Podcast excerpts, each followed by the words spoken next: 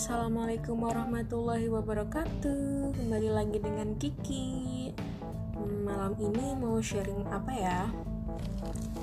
Uh, Di luar ini aja deh. Corona deh Udah capek.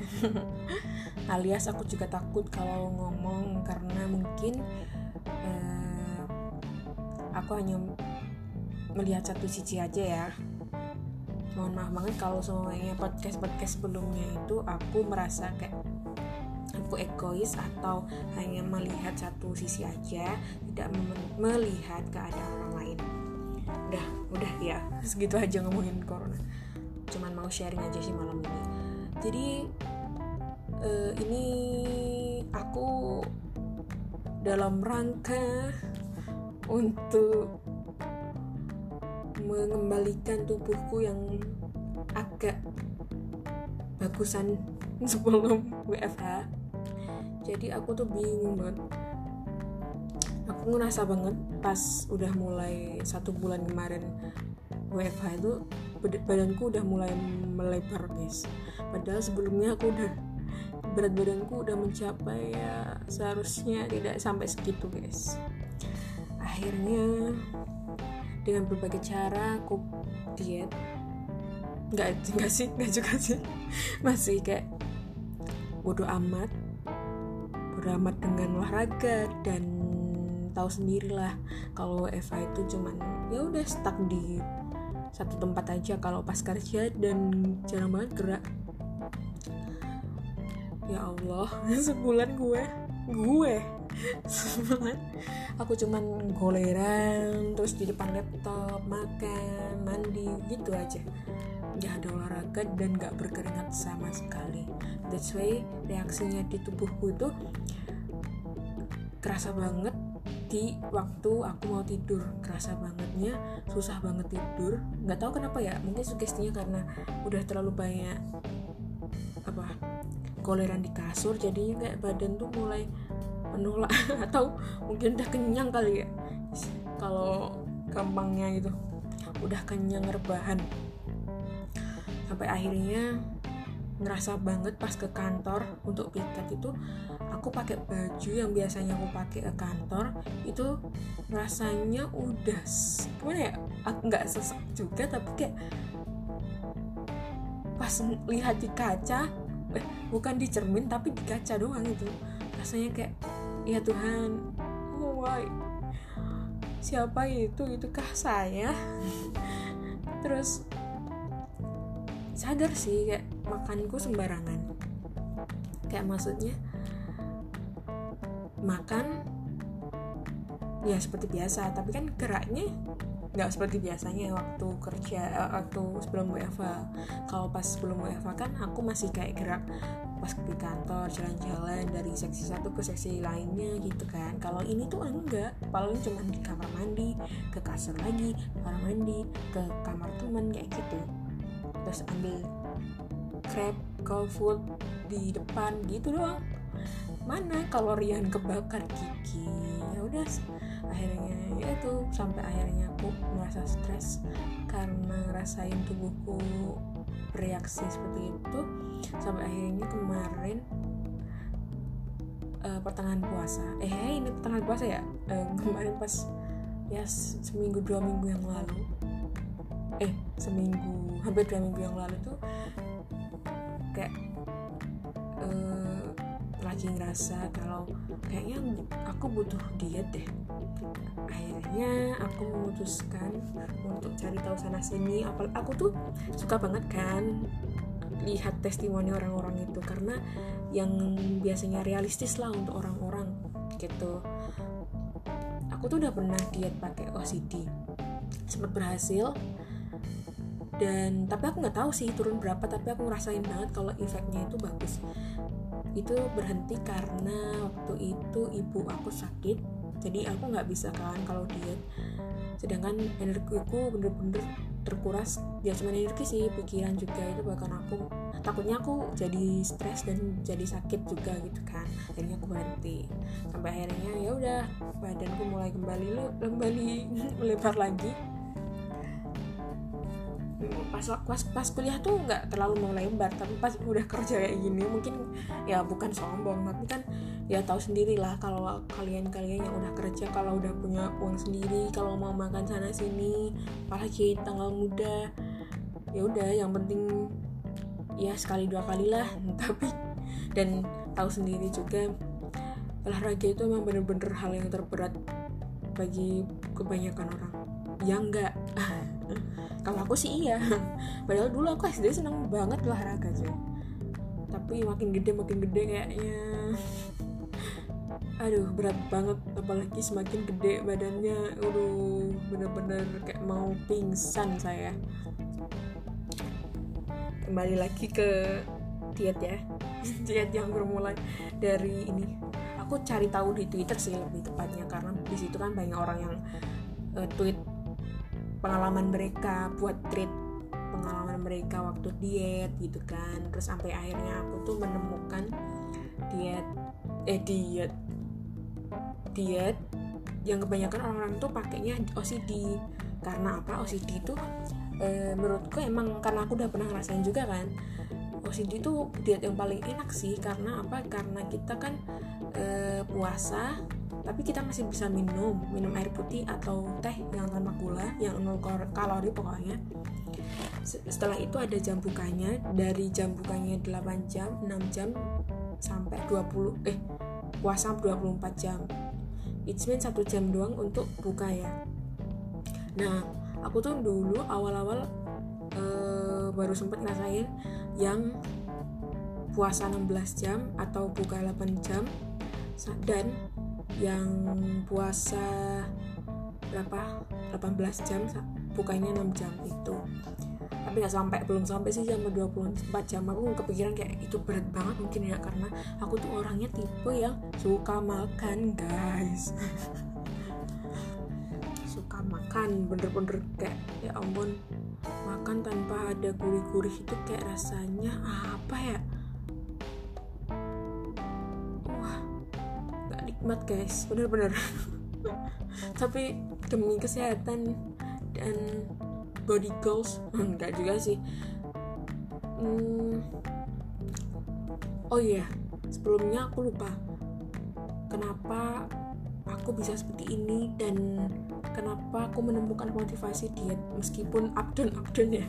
Jadi awalnya tuh dulu dari aku SMA SMA itu kelas 1 nggak tahu kenapa. Eh tapi emang aku tuh biologisnya struktur tulangnya itu gede. Jadi kayak orang biologi apa keturunan gitu loh kalau aku tuh badan gede. Entah entah nggak tahu ya. Aku juga nggak terlalu tahu tentang medis atau uh, ya, tentang medis kalau emang faktor keturunan itu menentukan juga kalau orang tuh bisa gendut. Eh I mean eh, faktor keturunan itu menyebabkan juga anak cucunya itu juga gendut apa enggak aku juga nggak tahu. Tapi orang-orang bilang dan bapak ibuku juga juga bilang kalau aku tuh keturunan gendut karena orang tuaku dan kakekku gitu loh yang orangnya gede besar gitu. Emang banyak orang yang bilang kalau aku tuh orangnya gede besar gitu. Ya nggak tinggi tinggi banget sih tapi ya termasuk lumayan tinggi terus orang-orang ibuku bapakku juga bilang kalau aku tuh nggak terlalu gendut juga terisi gitu kan. Tapi kan namanya juga cewek apalagi belum nikah masih gadis mesti kan insecure ya pernah merasukan insecure eh insecure juga kan. Sampai akhirnya kelas 1 SMA aku les les di salah satu bimbel yang paling terkenal saat itu. Ada tentor baru ngajar di kelasku pertama kalinya masuk saat itu belum perkenalan dan tiba-tiba dia bilang gini sama aku di depan di depan kelas sih eh kamu kamu kalau nggak diet kalau kamu nggak kurus nanti susah dapet jodoh loh kayak aku gitu. Terus aku batin kan what eh what apa sih? Langsung kaget sebenarnya nggak gimana ya nggak patah nggak sakit hati nggak. Cuman kayak apa sih? Seharusnya gak ngomong gitu juga kali. Kan bisa berkenalan dulu. Kamu bisa pendekatan sama aku. Apa gimana baru ngomong kayak gitu ya? Nggak langsung ngomong hal yang tidak pantas di depan kelas. Sampai akhirnya aku tuh pokoknya kelas 1 SMA itu gak cuman dari tentorku juga sih dari temenku sekelas tuh ada cowok yang ngatain aku tuh kayak mirip ibu-ibu gitu kan mirip artis ibu-ibu banget badannya. Sebut kayak seburuk itukah aku? Itu perjandaan yang pan memang pantas ya. Awalnya tuh aku ya juga biasa aja tapi kan lama-lama juga perempuan apalagi di lingkungan sekitar nggak ada yang kayak kamu. Meskipun ada juga yang lebih dari aku tapi kan tetap aku seorang perempuan norm normal lah kalau aku lihatnya lihat uh, cewek yang lebih kurus. Karena kan aku di, dikatain gendut gitu terus akhirnya aku juga sadar waktu itu aku juga emang gendut sih. Tapi maksudnya bukan berarti kamu bisa me, apa body shaming lah ke orang lain gitu loh kamu nggak boleh nggak bisa kalau meskipun kamu masih kecil I mean maksudnya kamu sebaya sama aku kamu nggak tahu rasanya dikatain kayak gitu tuh rasanya gimana. Kamu nggak tahu juga kenapa dia bisa kayak gitu. Bisa aja kalau aku emang gendut karena faktor keturunan dan mungkin saat itu aku juga uh, porsi makan eh, maksudnya apa um, makanku belum terkontrol dengan baik gitu kan. Tapi kan orang-orang yang gendut aja ada juga yang dia karena obat atau emang nggak bisa dia lakukan hal-hal yang apa seharusnya dilakukan. I mean dia diet itu nggak bisa gitu kan. Ada juga kan yang kayak gitu. Ya kita nggak bisa menjudge orang kayak gitu kan body shaming. Maksudku gitu sampai akhirnya nggak tahu kenapa. Aku juga nggak tahu mungkin karena beban pikiran atau apa kelas 11 12 12 itu udah mulai kayak kurusan kurusan tapi aku kayak emang nggak pernah sadar sih kalau aku tuh pas itu kurusan. Mungkin karena tambah tinggi sih sebenarnya bukan kurusan.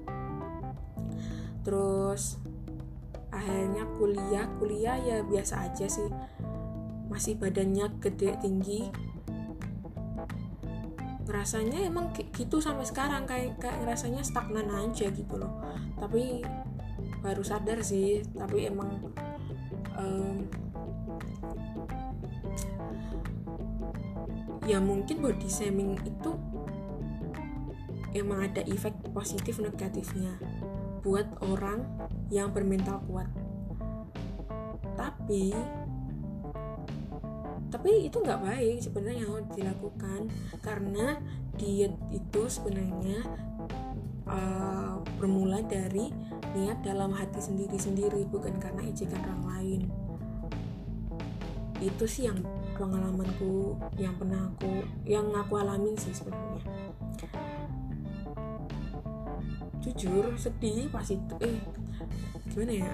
Sedih mau marah kayak kenapa sih aku nggak bisa kayak orang lain kayak cewek-cewek cantik gitu kan? Yang baik apa bodinya kurus langsing gitu. Kenapa sih aku susah banget buat diet? Sedangkan lingkunganku emang susah banget untuk diet sebenarnya. Kayak ibuku tahu sendiri lah kalau uh, ibu seorang ibu itu mesti nggak pengen anaknya tuh sakit. Jadi anaknya tuh suruh makan makan aja terus terus kadang tuh kalau pas aku di cek sama temenku aku gendut gitu kan aku langsung bilang sama ayahku eh bapakku pak aku gendut ya. Terus bapakku pasti bilang gini enggak kamu tuh tinggi enggak segitu tuh udah pas. Lalu bilang gitu nggak pernah bilang kamu tuh gendutan gitu nggak pernah. Bahkan pas aku merantau ini pun pernah awal-awal merantau itu aku dibilangin gini kok kamu kurusan gitu kan? Aku nggak pernah merasa kurusan guys. Sumpah selama aku sudah merantau ini aku malah justru merasa melebar. Tapi nggak tahu kenapa bapakku bisa bilang gitu ya sempat kurusan karena pas pasang behel aja sih karena itu emang dia terampuh selama hidupku. Karena kehilangan 5 kilo dengan mudahnya tapi tidak mudah juga karena aku tidak bisa makan pada lebaran tahun kemarin. Dan tahun ini sayangnya juga tidak bisa makan masakan rumah. Sedih gak guys Nah makanya tak pengennya tahun eh, tahun lebaran lebaran tahun ini tuh juga kurusan dengan cara apa? Dengan cara yaitu tadi aku cari-cari tahu dari Twitter, aku tak cari-cari tahu di uh, mana di Google gitu kan tentang makanan sehat, tentang olahraga gitu kan. Tapi di, terus di Twitter tuh ada orang yang nyaranin workout challenge selama dua minggunya clothing.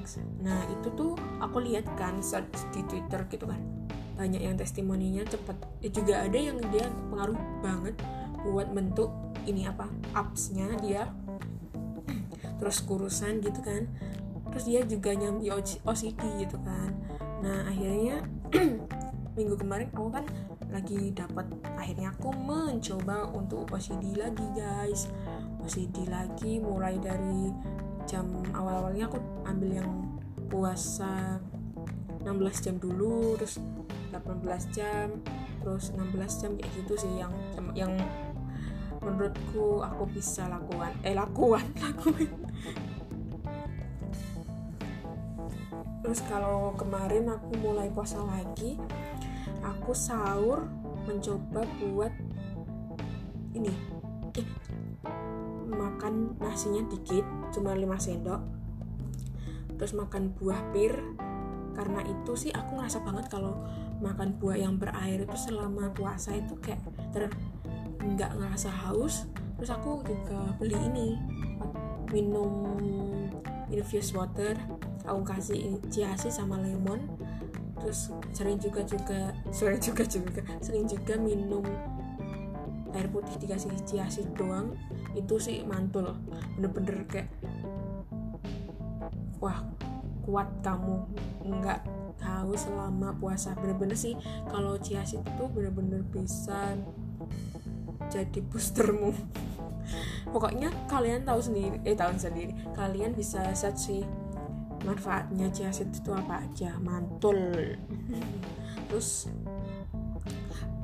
biasanya tuh pas aku pas nggak puasa aku workoutnya itu skipping jam empatan sebelum masak buat bareng temen-temen.